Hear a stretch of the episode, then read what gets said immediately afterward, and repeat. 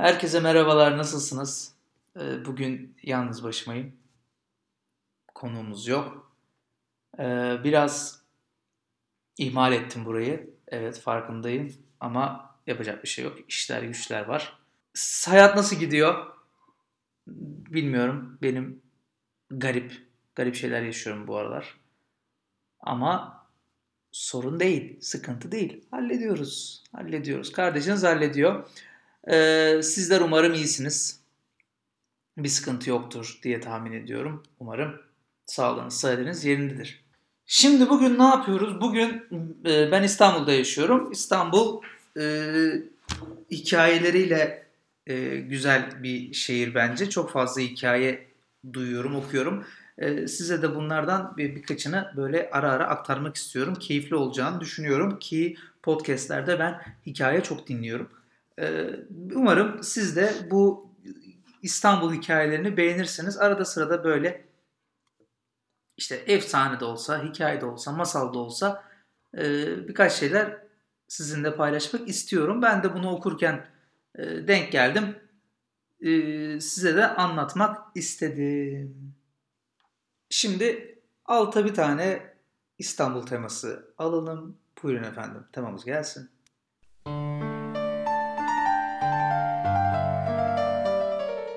Ee, ve ben yavaş yavaş başlayayım. Hikayemiz çok bildiğiniz bir hikaye. Belki duymuşsunuzdur, belki duymamışsınızdır. Çok eski zamanlarda Üsküdar sırtlarında aşk ve güzellik tanrıçası Afrodit adına yapılmış büyük bir tapınak vardı.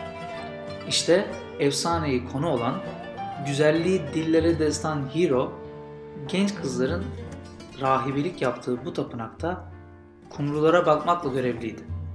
Her sene ilkbaharda tabiatı süsleyen, güzelleştiren Tanrıça adına bir bayram yapılırdı. Bu ilkbahar şenliğine çevre şehirlerden, kasabalardan akın akın insanlar gelir, bayram süresince yenilir, içilir, eğlenilirdi.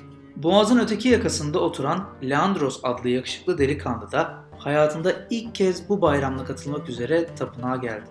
Afrodit onun yakarışlarını duymuş olmalı ki karşısına güzeller güzeli Hiro'yu çıkardı. İki genç birbirlerini görür görmez aşık olmuşlardı. Ama aralarında aşılması güç bir engel vardı. Bu engel İstanbul Boğazı'ydı. Leandros yaşadığı şehre dönmeden önce sevgilisine aralarındaki denizin aşklarına engel olamayacağını söyledi. Eğer Hiro denizin durgun olduğu gecelerde kulede bir ışık yıkarsa Leandros yüzerek onun yanına gelebilirdi. Gerçekten de yaz boyunca iki sevgili denizin durgun olduğu her gece buluştular. Fakat yaz bitti. Kış yaklaştı. ılık esintiler yerini şiddetli rüzgarlara bıraktı. Denizin çırpıntıları birbirini izleyen iri dalgalara dönmüştü. Bir sabah Hiro Leandros'u uğurlarken artık iki kıyı arasında yüzmenin tehlikeli olacağını söyleyerek sevgilisine bir süre gelmemesi için yalvardı. Leandros istemese de ona verdiği sözü tuttu. Ama Hiro'ya olan özlemi gün geçtikçe büyüyordu. Kederini, acılarını azaltmak için her akşam oturup karşı kıyıyı seyrediyordu. Yine böyle bir akşam kulede yanan ışığı gördü. Sevgilisinin çağırdığını düşünerek kendini hırçın dalgaların içine bırakıverdi. Oysa ışığı yakan Hiro değildi. İki sevgilinin gizli gizli buluştuğunu fark eden tapınak yöneticilerinden biriydi. Hiro'ya kavuşacak olmanın heyecanı içindeki zavallı Leandros bir yandan azgın dalgalarla boğuşuyor, bir yandan ışığı yitirmemeye çalışıyordu. Tam Üsküdar'ın kıyılarına yaklaşmışken ışık birden söndü. Denizin ortasında acımasız bir karanlığa gömüldü Leandros. Önce rüzgardan söndüğünü sandığı ışığın yeniden yanmasını bekledi. Fakat ışık bir daha yanmadı ve Leandros dev dalgaların arasında kayboldu. Ertesi sabah Hiro'nun cansız bedenini tapınağın altındaki kayalıklarda buldular. Sevgilisinin ölümüne dayanamamış, ona kavuşmuştu.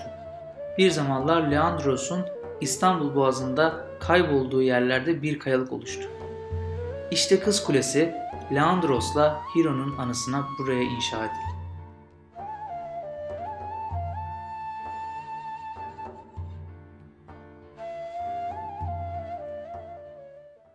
Ya işte adam Görüyor musun? Bir ışık uğruna sen atla denize. Sonra o ışık sönsün. Ya. İşte çoğu yaşantımız, yaşadığımız şeyin özeti aslında. Sürekli aynı şeyi yaşıyoruz. Bir ışık uğruna denizlere atlıyor. Daha sonra o ışık sönüyor. Hadi görüşürüz. Kendinize iyi bakın. Bay bay. Koynuna beni karam Günahın boynuna can karam Anladım sensizlik haram Gel artık safa ve karam. Al artık koynuna beni karam. Günahın boynuna can karam. Anladım sensizlik haram. Gel artık insafa ve karam.